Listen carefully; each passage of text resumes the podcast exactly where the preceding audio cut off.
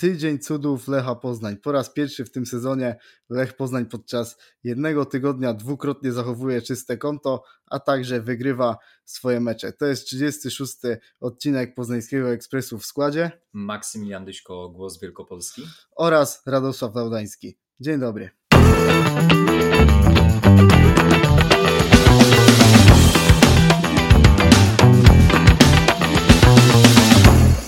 Dzień dobry i dobry wieczór. Witamy Was w Poznańskim Ekspresie. Dzisiaj w nieco odmienionym składzie, gdyż Marcin Jerzyk, stały tutaj nasz podcaster, niestety się rozchorował. Dzisiaj dostałem informację na szybko, musiałem szukać jakiegoś zastępstwa. Wyszło bardzo godne. Przyszedł do nas Max z Głosu Wielkopolskiego, z którym często siedzę na prasówce, dzielę się przemyśleniami.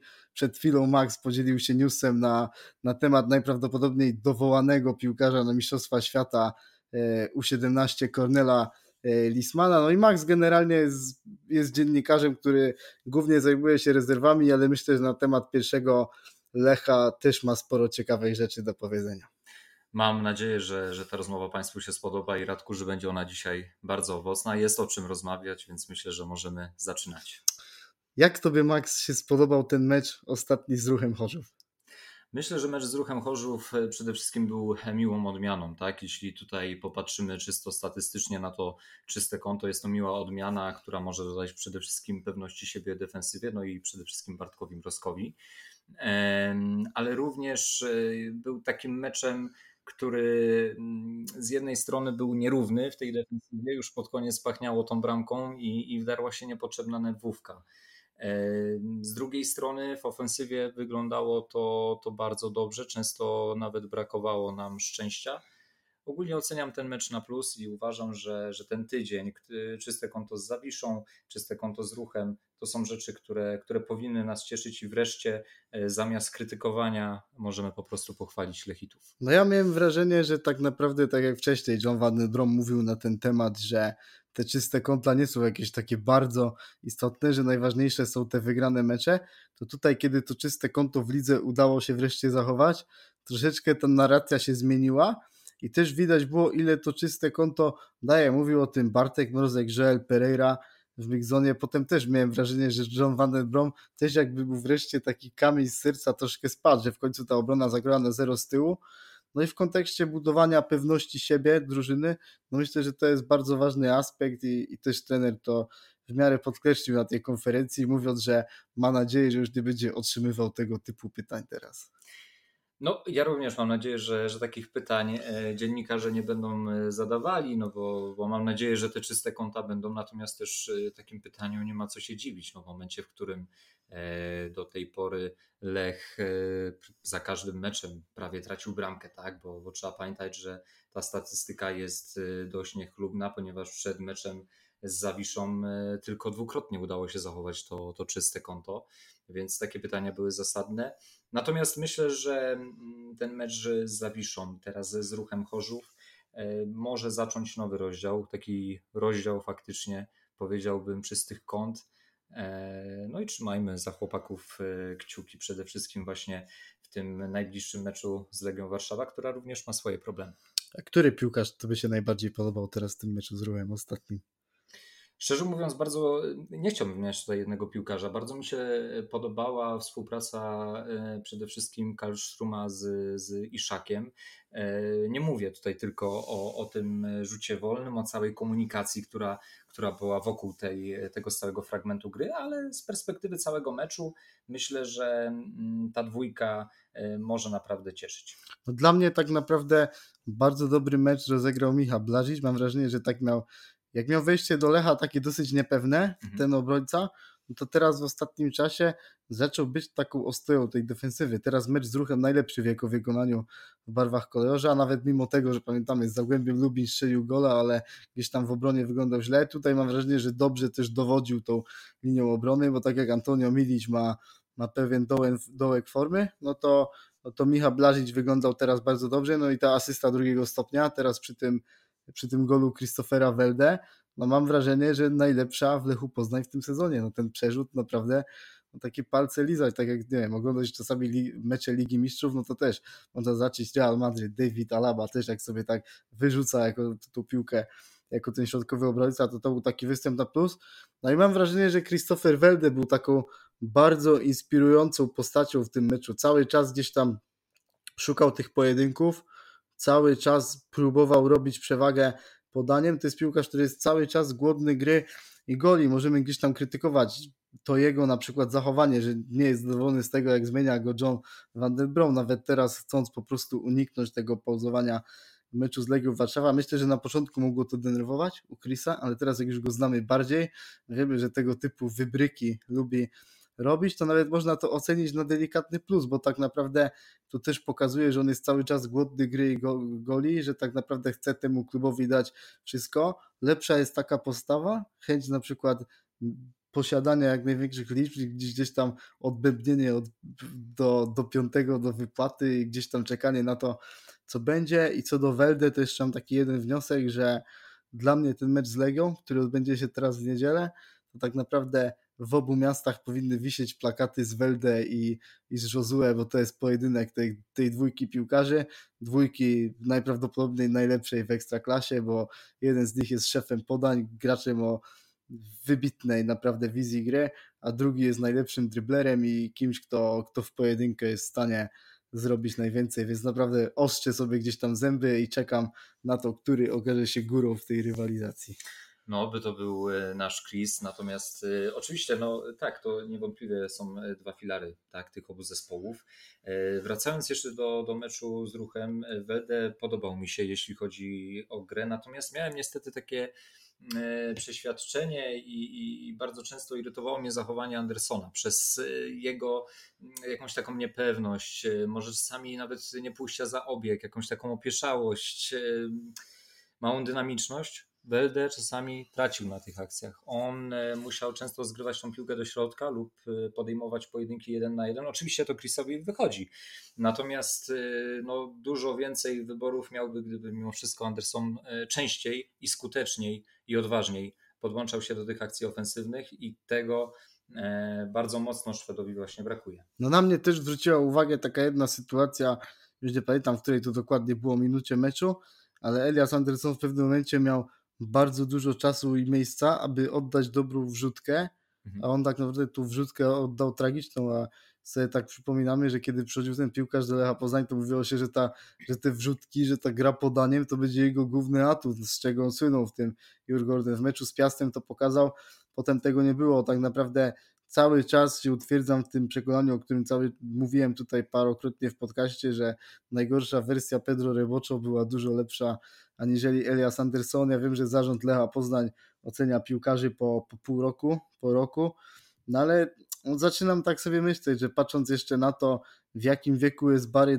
Douglas, jak często łapie kontuzję, z Krakowią co prawda zagrał poprawnie, ale wiemy, że Barry pewnego problemu nie przeskoczy, no zastanawiam się, czy zimą by się ten lewy obrońca tutaj nie przydał mimo wszystko w tym Lechu.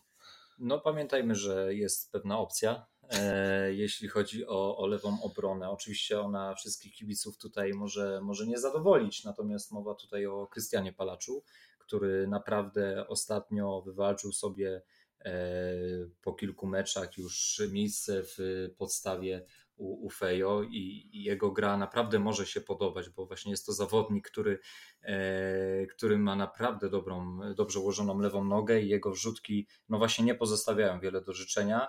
E, jeśli już to skuteczność jego kolegów. Ale to, co warto tutaj e, zauważyć, no to, to przede wszystkim właśnie ta odpowiedzialność, że mimo wszystko na przykład gdy Krystian idzie do ofensywy, to on się umie cofać.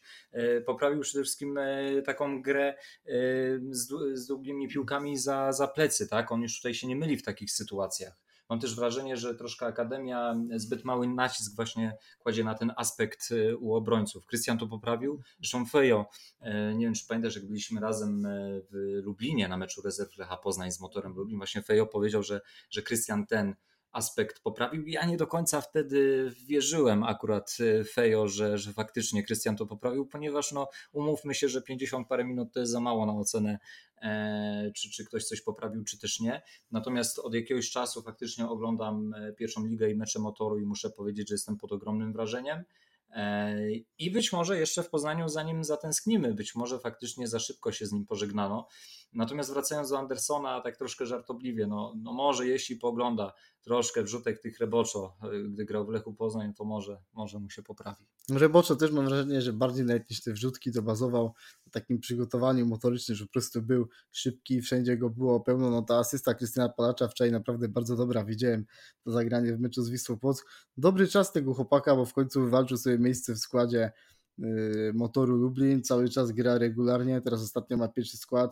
Dobrze widzieć jego rozwój, może kiedyś pewnego dnia ci piłkarze, którzy teraz są y, w pierwszej lidze, czyli Antek Kozubal, Jakub Antczak czy, czy Krystian Palacz, że wiemy, że to już nie jest wypożyczenie, wrócą do tego, do tego klubu. Z tego co słyszę, to, to gdzieś tam Lech sobie też zdaje sprawę z tego, że że czasem brakuje tego jednego środkowego pomocnika. W przypadku, kiedy teraz nie był dostępny Afonso Souza, kiedy Kwekweskiri nie był najlepiej dysponowany. Nie mówię że teraz o tym meczu z ruchem, bo tutaj notabene zagrał lepiej, ale było widać, że w tym środku pomocy jest pewna wyrwa. No i słyszę takie głosy, że czasem może się pojawić temat tego, aby Kozubal już zimą wrócił tutaj do Lecha Poznań. Zobaczymy, jak ta sytuacja się potoczy. Co do ruchu Chorzów, ostatniego rywala, no to chyba jesteśmy zgodni, spadek w tym sezonie. I to, i to i mam jeszcze pytanie. Najsłabsza drzyna, która teraz była przy bułgarskiej z tych ekstraklasowiczów, czy, czy UKS, czy Puszcza według Ciebie wyglądały gorzej? Nie, zdecydowanie najsłabsza drużyna, która tutaj była, która tak na dobrą sprawę nie miała nic do zaoferowania nawet po przeprowadzonych zmianach. To myślę, że też daje dużo do myślenia nie za bardzo wiem, jak skomentować tutaj postawę ruchu Chorzów. Ona była podobna do postawy Żalgirisu przy bułgarskiej, z tą różnicą, że jednak e, im udało się szczelić bramkę, a ruchowi nie. E, czy to jest kandydat do spadku? Mm, pamiętam kiedyś, kiedy pod Beskidzie było w fatalnej sytuacji, a jednak się uratowało, więc ja nie lubię tutaj tak e, jeszcze nawet po, po zakończeniu rundy jesiennej mówić, czy ktoś jest do spadku, czy nie. Natomiast tak, Radku, no, no wszystko na to wskazuje, że że ruch powoli pewną drogą zmierza faktycznie z powrotem do pierwszej ligi. No i też myślę, że tak sobie patrząc teraz na ten powrót Lecha Poznań do czołówki, Lech jest, Lech jest trzeci. Wiemy, że mimo wszystko na tym etapie sezonu bardziej byłoby oczekiwana pozycja lidera. Tak mówiłem o tym, żeby ten lider był do tego meczu z Legią, żeby przystąpić jako lider do tego spotkania. Wiemy, że się nie udało przez te mecze z Jagą i Krakowią, ale mimo wszystko mam, mam takie wrażenie, że ten powrót Lecha Poznań teraz na, te, na tą dobrą ścieżkę ma twarz Mikaela Iszaka. On od czasu tego powrotu po kontuzji 5 bramek czy asysty, nieco ponad 400 minut, przez chwilę był nawet najlepszym strzelcem w Lechu Poznań. Ja szczerze powiedziawszy nie spodziewałem się, że on po tak trudnych zmaganiach z chorobą tak szybko wskoczy na taki dobry poziom, jaki, jaki osiągnął teraz. No tak naprawdę no Iszak znowu się staje najlepszą wersją samego siebie. Znaczy może nie tak szybko, natomiast bardzo cieszy, że przede wszystkim faktycznie wrócił do tej najlepszej wersji siebie. E, przypomnijmy sobie może, co działo się e, na początku sezonu podczas e, meczów pucharowych. Między innymi też przez niego ta bramka ze Spartakiem Trnawa została stracona, tak? Więc do tego należałoby by wrócić i naprawdę powrócił w fantastycznym stylu, co bardzo cieszy, ponieważ w momencie, w którym jego nie było, był Filip Marfiński, który radził sobie kapitalnie i go faktycznie wyręczył. Teraz Iszak wraca do formy, spisuje się znakomicie, po prostu wiązuje się ze swoich obowiązków, strzela bramki, ale ponadto widać ten charakter, charakter na boisku, który, który ciągnie drużynę e, i tych e, liderów mam wrażenie, że e, ze zwycięstwa na zwycięstwo w Lechu rośnie coraz, coraz po prostu więcej. No to na pewno bardzo cieszy, no bo ci, ci liderzy są potrzebni. No wielokrotnie mówiliśmy w tym sezonie przy okazji tych słabszych meczów, chociażby z Pogonią Szczecin czy Partakiem Trnawa, że gdzieś tam w tej drużynie brakuje tego charakteru, tego bycia takim liderem. Tutaj przywoływano właśnie postać Mikaela Iszaka czy, czy Bartosza Salamona, który od dłuższego czasu jest nieobecny, ale niedługo się pewnie ten temat będzie jakoś lepiej wyjaśniał. Myślę, że mecz Max z Zawiszą Bydgoszcz jeszcze bardziej się tobie podobał niż ten z. E, tak, e, bardzo mi się podobał z dwóch przyczyn. E, myślę, że pierwsza to debiut Maksymiliana Dziuby. No nie ukrywam, jest to gdzieś tam mój ulubieniec. Już miałem powiedzieć, twoja działka będzie zawiszą grali piłkarze młodzi, więc na pewno coś powiesz ciekawego. Tak, e, znaczy ciekawego to nie wiem, natomiast tak, no jeśli chodzi e, o to, to tak faktycznie kilku graczy rezerw, których miałem przyjemność oglądać chociażby na wiosnę się pojawiło, tak Filip Wilak czy, czy faktycznie Max Dziuba. Ich obecność bardzo mnie cieszyła i, i Max pokazał się z dobrej strony przede wszystkim jego prostopadłe pytanie do, do, do Filipa Szymczaka, co prawda ono nie wykorzystane na bramkę, było, było taką wizytówką Maxa, który, który to prezentuje na boiskach drugiej ligi. No i niezmiernie mnie cieszy postawa Filipa Wilaka. Natomiast tutaj muszę być szczery, tutaj nie mogę słodzić. Pierwsza połowa w wykonaniu, w wykonaniu Filipa nie była jakaś rewelacyjna. Miał, miał swoje błędy, była bardzo nierówna, natomiast w drugiej no, był bardziej dynamiczny. Przede wszystkim miałem też wrażenie, że był bardziej uniwersalnym zawodnikiem, który też nie bał schodzić się do środka, łamać linii. Stąd też wzięły się, się dwie bramki, natomiast y, no, postawa Filipa Szymczaka mimo wszystko zasługuje na olbrzymie wyróżnienie, ponieważ te dwie asysty, no i bramka, ale przede wszystkim te dwie asysty nie były banalne. I, i odnalezienie w nich y, właśnie w całych akcjach Wilaka zasługuje na, na ogromną pochwałę. Znaczy, ja powiem tak, oglądając sobie ten mecz gdzieś tam też z perspektywy telewizji, no to muszę powiedzieć, że Max Dziuba poruszał się jak niczym koń czystej krwi. No to naprawdę był gracz taki wyborny w, ty, w tym meczu. Naprawdę nie miałem wrażenia, że to jest debiutant w tym pierwszym zespole. To, On chciał tą piłkę, nie? Tak, chciał mieć piłkę mówił, mówił tak jak, nie wiem, wchodzący taki kiedyś gdzieś tam do Chicago Bulls, Michael Jordan gdzieś tam, dajcie mi tę piłkę, dajcie mi te boisko, chcę tutaj coś, coś pokazać i rzeczywiście ma ten chłopak w sobie coś takiego magicznego. Cały czas chciał podawać do swoich kolegów, cały czas był taką postacią inspirującą, szukał gry. Miałem tylko jedno takie skojarzenie co do światowej piłki, oglądając Maxa Dziubę, jest taki teraz Serie A bardzo dobry gracz ofensywny, Matias Sule się nazywa, mhm. on w ogóle jest z Juventusu, Argentyńczyk, teraz w ogóle Spalletti go chciał do reprezentacji Włoch, ale, e, ale zdecydował się grać dla Argentyny, bo jest Argentyńczykiem i będzie czekał na swoją szansę. Teraz jest wypożyczony do, do Frosinone i po prostu tam jego talent teraz gdzieś tam rozkwita, jest jednym z lepszych piłkarzy w lidze włoskiej i widzę jak się porusza z Sule, jaką ma wizję gry. I Dżuba mi się wydaje takim polskim odpowiednikiem tego Matiasa Sule, więc będę obserwował te dwie kariery, bo mam wrażenie, że że to są piłkarze, którzy mogą gdzieś tam w przyszłości w, swo w swoich klubach dać, dać bardzo dużo. Co do Filipa Wilaka, no to się zgodzę też, że, że pierwsza połowa pozostawiała trochę do życzenia, że też miałem wrażenie, że Filip się nie czuł tak zbyt pewnie w pojedynkach z rywalami. To też widziałem teraz w tym meczu z ruchem Chorzów, że mhm. kiedy Filip wszedł za Christophera Welde, no to gdzieś tam widziałem tą różnicę mimo wszystko. Wiemy, że Filip jest jeszcze młodym graczem, że musi po prostu jeszcze pewne rzeczy nabyć, że nie będzie teraz na tym etapie kariery jeszcze takim piłkarzem, jakim jest Christopher Welde, bo jak na warunki ekstraklasy Welde osiągnął teraz poziom wybitny. Mhm. No ale mam wrażenie, że, że ten chłopak tą drugą połową też dał taki jasny sygnał, że ma dobre wykończenie, piłka też go lubi szukać w polu karnym, no i, i też warto zwracać na niego, na niego na pewno uwagę. Co do tego meczu, no to myślę, że, że też cieszył ten fakt, że zadebiutował Ali Golizadeh, najpierw w Bydgoszczy, potem Chorzowie, no i też mam wrażenie, że taki dosyć pozytywny odbiór co do goli Zadecha w tym meczu w Bydgoszczy. Tak, widać było, że, że bardzo mu się chciało e, i, i że cały czas chciał mieć piłkę, e, faktycznie gdzieś też skracał to pole. E, z drugiej strony no nie miał zbyt wiele czasu, żebyśmy tutaj, myślę, o nim rozmawiali kilka minut. Myślę, że po prostu musi dostać większy wymiar, wymiar czasu, większy wymiar gry, żebyśmy tutaj więcej coś mogli powiedzieć o Alim.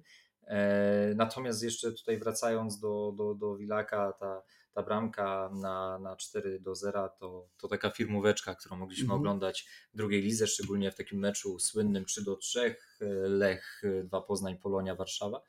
Tam faktycznie popisał się, się takimi trafieniami. No i nic, tylko cieszyć i faktycznie czekać na, na, na powtórkę takich występów. E, tu jeszcze zahaczę do tego meczu z ruchem Chorzów Mam też takie wrażenie, że e, po raz pierwszy Wilak przede wszystkim dostał taki wymiar czasu w ekstraklasie. Naprawdę duży, bo tam było 20 parę minut, tak 25 podejrzeń. E, I mm, jeśli chodzi o takie ustawianie się na pozycji w ofensywie, on nie ma z tym problemu. On ma większy problem z podprowadzeniem tej piłki, dokładnym rozegraniem, z takim przerzuceniem, który będzie i miał sens, będzie napędzał akcję, jeszcze będzie celny. W defensywie ok, po prostu przyzwoicie wypisuje się z tych zadań. Tak samo e, na konferencji pomeczowej powiedział trener John Van Den Brom i tutaj się z nim zgodzę. Mm, myślę po prostu, że ten zawodnik potrzebuje jeszcze, jeszcze większego ogrania e, i, i kolejnych szans.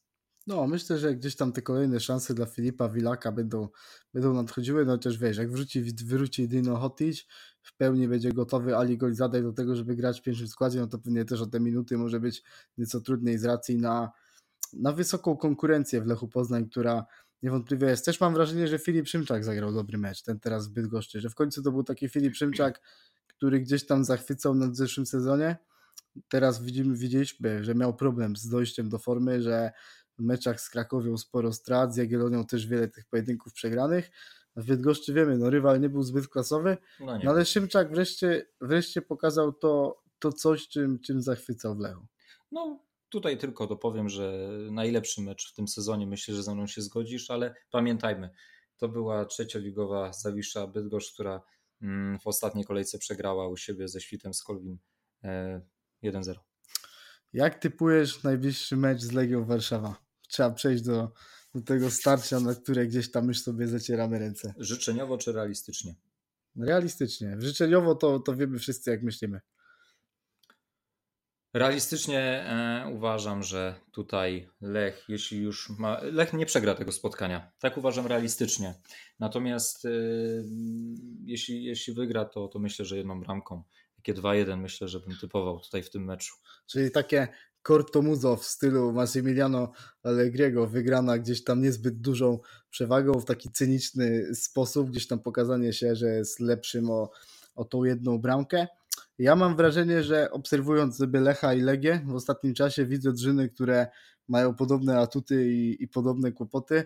Legia tak samo jak i Lech ma, ma problemy z tymi fazami przejściowymi w defensywie, bo nawet oglądałem sobie teraz ten mecz ostatni z Radomiakiem mhm. i szczerze, tak żeby podejrzeć jak to wygląda i tak szczerze powiedziawszy dużo się mówi o tych problemach w obronie Legii, tyle że Legia ma problemy w obronie z takimi rywalami jak na przykład Śląsk Wrocław, które są nastawione na kontrataki, Legia jest wtedy kontrowana, ta obrona nie, nie nadąża, żeby wrócić, mhm a ta obrona wygląda lepiej w meczach, kiedy, y, kiedy po prostu jest ustawiona głęboko, kiedy, kiedy rywal nie kontruje, tylko sam próbuje tworzyć grę, no to wtedy ta obrona Legii jest trudna do sfrustowania. Mam wrażenie, że wtedy Artur Jędrzejczyk też się czuje dobrze w takiej grze, mimo wieku sporo tych akcji kasuje, no i mimo wszystko wydaje mi się, że Lech dużo takich przestrzeni do kontrataku nie będzie miał, miał w tym meczu, więc to, to może być takie spotkanie do jednej bramki tak naprawdę, który, gdzie, która drużyna gdzieś tam złapie w pewnym momencie rytm, no to będzie,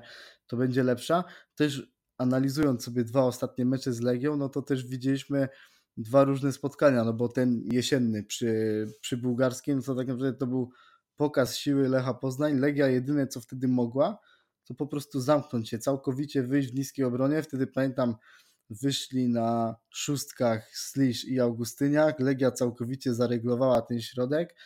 No i tak naprawdę Legia tylko mogła się desperacko bronić. Udało im się wtedy w takich szczęśliwych okolicznościach remis tutaj wyciągnąć. Też pamiętamy, że trochę mało piłkarze Legii dostali kartek. Różne były takie różne były kontrowersje w tym, w tym meczu i komplikacje, a ten drugi mecz w Warszawie już wyglądał zupełnie inaczej. Wtedy Wtedy Legia tak podeszła już do tego meczu bez strachu. To był zespół, który w pierwszej połowie całkowicie zdominował Lecha, który grał dużo piłką przy nodze, był wysoko ustawiony w obronie. Miał ten zespół taką pewność siebie, no ale wtedy pamiętamy, że Lech Poznań zaimponował tą reakcją no to wszystko. Wtedy widziałem wzorową reakcję drużyny w przerwie. Potem się to też jeszcze powtarzało za, e, za czasów kadencji Johna Vandenbroma w reakcja w przerwie i recital Afonso Souzy, najlepszy jego jego mecz w Lechu Poznań i, i mam wrażenie, że to będzie taka dogrywka za te, za te dwa poprzednie remisy w poprzednim roku, starcie Welde kontra Josue, no gdzieś tam już sobie gdzieś tam ostrze zęby na ten mecz, no i takie jeszcze powiem ogłoszenie, że wybieram się na ten mecz do Warszawy, będę przy e, będę przy Łazienkowskiej, więc myślę, że być może nie po ostatnim gwizdku sędziego, jak to miało miejsce przy okazji starcia z Krakowią, ale gdzieś tam już po konferencji prasowej spotkamy się na live, na naszym kanale, gdzie już z Marcinem Jerzykiem połączymy się połączymy się ze stadionem przy Łazienkowskiej i miejmy nadzieję, że, że uda mi się dla Was zrelacjonować zwycięstwo Lecha Poznań i, i że powrót odbędzie się w bardzo dobrej atmosferze. Jeszcze Max, musimy już całkowicie na, na sam koniec spróbować nieco wyjaśnić te wszystkie wydarzenia, które dzisiaj się stały wokół młodych piłkarzy Lecha Poznań, bo chcąc rozmawiać dzisiaj o poznańskim klubie, no nie sposób uciec od tych wszystkich newsów, od tego wszystkiego, o czym się dzisiaj mówi, no czyli wiemy, że, e, że Filip Wolski i, i Oskar Tomczyk e, wydaleni ze zgrupowania przed Mistrzostwami Świata U17. Co możesz powiedzieć na ten temat? Znaczy, przede wszystkim e, powiem coś niepopularnego, co, co też dzisiaj opublikowałem na swoim Twitterze niepopularnego, dlatego że bardzo zatrwożyła mnie ilość nie tyle negatywnych komentarzy, bo to, to nie było żadne zaskoczenie, natomiast ilość hejtu i jakiegoś takiego jadu, e, który się pojawiał, że należy zakończyć karierę tym zawodnikom, że należy ich wyrzucić w ogóle z klubu i tak dalej, i tak dalej. Mm, do wszystkich tych osób, które tak pisały, mam taki apel. To są młode osoby e, i bardzo ciężko może być takim osobom, które się pogubiły, bo nie można tutaj nazwać takiego zachowania odpowiedzialnym. Jeśli takie osoby się pogubiły, to należy może wyciągnąć do nich e, po prostu pomocną rękę, dłoń, zastanowić się nad tym, E, jakie możemy wprowadzić systemy pomocowe dla tych osób, dla młodych piłkarzy, żeby takie błędy po prostu dalej się nie przytrafiały, bo to nie jest pierwszy raz, to jest już drugi raz. I jak widać, takie ostrzeżenie w postaci kar, zawieszenia w treningach, e, w meczach przede wszystkim klubowych, a także kar finansowych dla klubu nie działają, bo gdyby działały, to taka sytuacja w ogóle by się nie powtórzyła. Co ciekawe, w tej samej kategorii wiekowej, co jest w ogóle dla mnie mhm. jakimś abstraktem, tak? No więc mówimy tutaj o czymś niezwykłym po prostu zmarnowali swoją gdzieś tam dużą szansę, tak? To, to trzeba pamiętać, ale zmarnowali szansę, jeśli chodzi o, o ten mundial. Y, ja osobiście i, i, wiem, że Lech też ma taki pomysł. Y, postawiłbym przede wszystkim na akcje społeczne, na warsztaty edukacyjne, żeby iść tą drogą.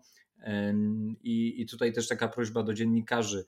Y, można coś pisać dla klików, dla newsów, pewnie, że tak, ale niech za tym idzie coś dobrego, a nie tylko e, jakaś sensacja, jakieś takie poruszenie, tylko byle kliknąć i, i, i, zostawić temat, bo, bo nie na tym polega dziennikarstwo. Jeśli faktycznie chcemy brać się za jakiś temat i, i wziąć za to realnie odpowiedzialność, to zróbmy coś dalej. Pomyślmy może, jak takie problemy rozwiązać, bo mam nadzieję przynajmniej, że nikomu pisanie o takich tematach nie sprawia żadnej przyjemności.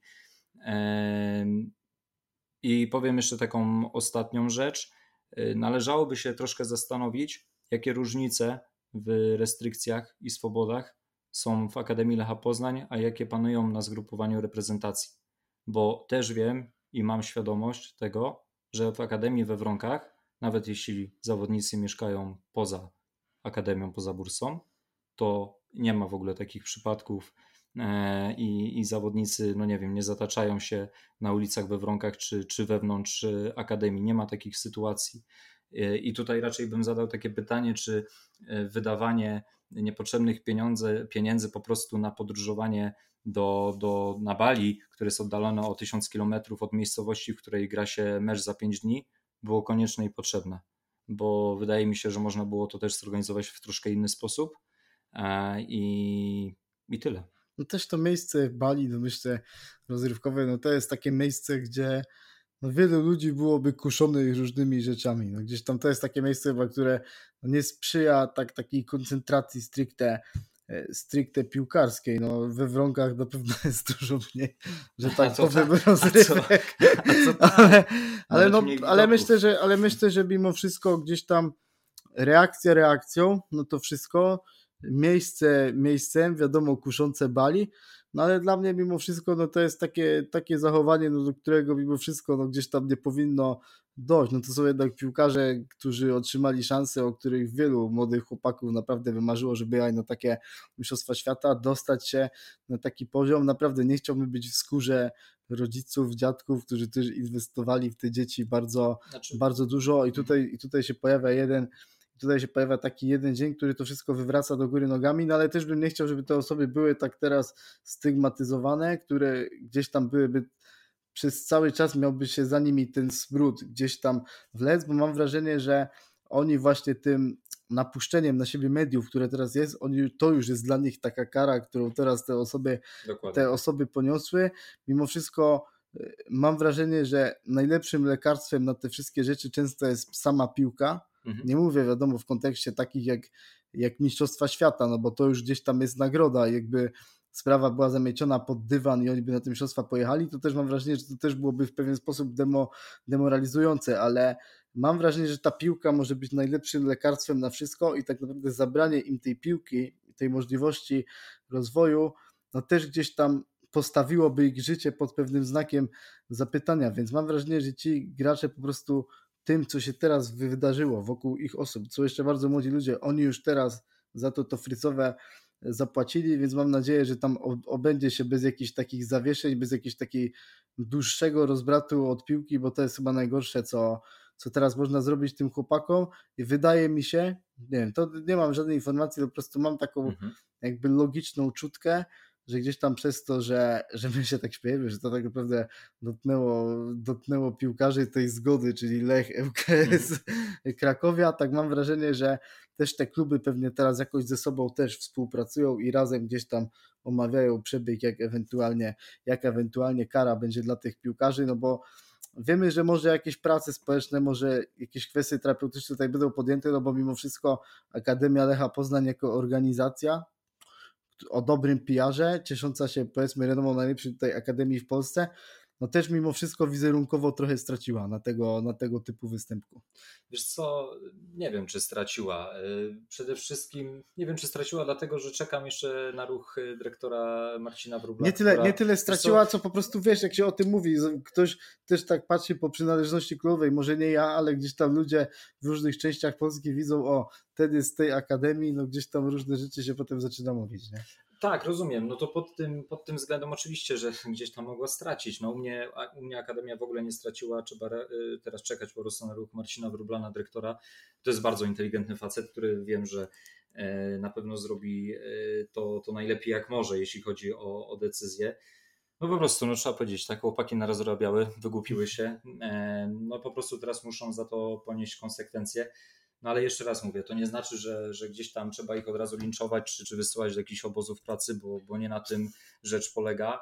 E, zresztą, tak na dobrą sprawę, w ogóle zachodzę w głowę, bo pewnie za pół roku będzie tak, że gdzieś tam każdy, tak jak z jednym zawodnikiem, specjalnie nie mówię o kogo chodzi tutaj, który miał już taki problem, tak, jeden z obrońców e, obecnie rezerw Lecha Poznań, e, ta łatka już y, przy nim nie jest, tak na dobrą sprawę. Już Najbardziej wtajemniczeni Więc... ludzie to tylko wiedzą, tak, tak to się o tym już nie mówi. Tak, generalnie ludzie pozapominali z tego względu, że ci zawodnicy, znaczy tutaj mam bardziej na myśli Filipa Wolskiego i Jaśka Łabęckiego, będą potrzebni e, swoim klubom w niedalekiej przyszłości i po prostu właśnie przez to to się gdzieś rozmyje. Oni poniosą naprawdę konsekwencje. To jeszcze myślę, że mogę powiedzieć. E, byłem w kontakcie z, nie będę mówił z kim, natomiast z dwoma zawodnikami e, i naprawdę oni tego żałują, tego co zrobili i zdają sobie sprawę, że, że po prostu nawalili. Jest im wstyd. Więc z tej sytuacji są po prostu dwa wyjścia, tak no tak jak mówię, możemy dalej pisać gdzieś tam i mówić o tym w kategoriach sensacji a, i nie pozostawiać na nich w ogóle suchej nitki, a możemy wyciągnąć pomocną dłoń i, i, gdzieś tam zbudować e, ich na nowo. Dlatego właśnie uważam, że, że fajnie w ogóle by było, gdyby PZPN z tymi trzema klubami, a może i z większą ilością, gdzieś tam zorganizowali taką kampanię, w której przeprowadzone są jakieś warsztaty terapeutyczne czy zajęcia dotyczące używek jakichś niepożądanych zachowań, wybuchu agresji i tak dalej. Wiesz o czym myślę, mówię. E, I myślę, że wielu piłkarzy, szczególnie młodych, potrzebuje e, także takiej terapii, no, no szczególnie gdzieś tam i po pandemii, i po covid wiadomo, że ten stan psychiczny w Polsce no, nie jest jakiś super wysoki, nie? Więc e, tutaj należałoby iść tą drogą, ponieważ czegoś takiego nie było i też myślę, że wypowiedzi prezesa Kuleszy, że generalnie tą nie siada bez, nie pomagają, tak? Wszystko psuje się od głowy i dzisiaj jak zobaczyłem prezesa Kuleszy, który mówi, że to jest niedopuszczalne i tak dalej, no okej, okay, jest, pełna zgoda, ale niech też no może... też jakiś przykład, to jest tak. nawet, to jest coś takiego, nie wiem, wiem, że do tego nie można tak przyrównać, ale nie wiem, jest jakaś osoba, która na przykład ma w domu osobę, która się zmaga z alkoholem mm -hmm. na mhm. przykład i, a sama pije na oczach. A, a, sama po prostu pije na oczach albo przychodzi pijana, mimo że nie ma problemu z alkoholem, no to to też nie działa potem dobrze na tamtą osobę, to ona sobie myśli, o, jak ten może, no to, no to, no to ja też. I tak myślę na sam koniec jeszcze tej naszej rozmowy, taki creme de la creme, pochwal się, co napisałeś w tym twoim newsie. A tak, y, z tej całej sytuacji y, jest jedna pozytywna. Y, pozytywna jest taka, że zawodnik, który mm, oczywiście jeśli FIFA jutro udzieli takiej zgody, bo to są dodatkowe powołania już poza terminem, należy o tym pamiętać, że tutaj FIFA musi udzielić takiej zgody. Natomiast jeśli udzieli takiej zgody, to Cornel Lisman, zawodnik rezerw Lecha Poznań, który w tym sezonie zaliczył 11 występów e, w drugiej lidze, strzelił dwie bramki, zaliczył jedną asystę, e, pojedzie na mundial e, do Indonezji. To jest bardzo dobra informacja, tym bardziej, że rok temu o tej porze to był zawodnik, który sobie pykał w Fasę Szczecin w centralnej lidze juniorów i myślę, że mm, myślę nawet na pewno, że, że nie marzył o tym, żeby pojechać na Mistrzostwa Świata. Mm, szczególnie, że on do tej pory zagrał tylko trzy razy w młodzieżowych reprezentacjach i to była Polska U18, to był wrzesień tego roku. Zagrał w trzech meczach towarzyskich, łącznie 67 minut, więc nie dużo. Mm, natomiast mogę tutaj zapewnić wszystkich kibiców, że jest to zawodnik, który może naprawdę dać sporą jakość na skrzydle, jeśli przede wszystkim chodzi o dynamikę do grania, ale ostatnio też w meczu z Hutnikiem pokazał, że całkiem nieźle gra głową. Mówię o meczu z Hutnikiem 4 do 3. Lechici przegrywali 0 do 3 w tym meczu. Chłodnik widzę zrobił jakiś zakład, ponieważ drugi mecz wygrywał 3 do 0, a przegrał 5 do 3 z Kotwicą Kołobrzeg. Problemy jednego, jak widać, są szansą dla, e, dla drugiego, więc tutaj Cornel Lisman zyskał na tej, na tej sytuacji. Myślę, że powoli będziemy się żegnać już ze słuchaczami naszego e, podcastu. Ja bym chciał wszystkim podziękować za za każdą wirtualną kawę, którą nam stawiacie. Ostatnio udało nam się kupić za to pewien sprzęt, mikrofony, statyw, abyśmy sobie mogli gdzieś tam robić te transmisje przy okazji tych wyjazdów. Tak jak teraz będzie miało miejsce przy, przy Łazienkowskiej, jak będzie ten mecz z Legią Warszawa. Też dziękuję za liczne odsłuchanie rozmowy z Tomkiem Mędrym czy, czy Mariuszem Rumakiem, gdzieś tam te rozmowy z, klubem, z ludźmi z klubu wiem, że bardzo dobrze się przyjęły. Dostaliśmy trochę wiadomości, że te rozmowy się podobały, wygenerowały całkiem dobre, mm, dobre liczby, bo wywiad z Mariuszem Rumakiem już ma około 3000 wyświetleń, więc myślę, że jak na nasz podcast to są naprawdę gdzieś tam satysfakcjonujące liczby. Myślę, że takie coś też sprawia, że mamy też chęć dalszego rozwoju tego projektu, więc gdzieś tam każda ta kawka, każdy gdzieś tam like, gdzieś tam daje nam dodatkową taką motywację i, i chęć do działania i myślę, że przy okazji kolejnej przerwy na kadrę też postaramy się dla Was ogarnąć jakiś, jakiś ciekawych gości. Pewnie będziemy oprócz live'a jeszcze za tydzień się widzieć w tradycyjnym składzie, ale to jeszcze gdzieś tam z Marcinem sobie przegadamy, bo być może na tym live'ie już poruszymy wszystko. Niemniej za dziś bardzo serdecznie dziękujemy. To był 36 odcinek Poznańskiego Ekspresu w składzie. Maksymilian Dyśko i Radek Laudański. Trzymajcie się, cześć. Cześć.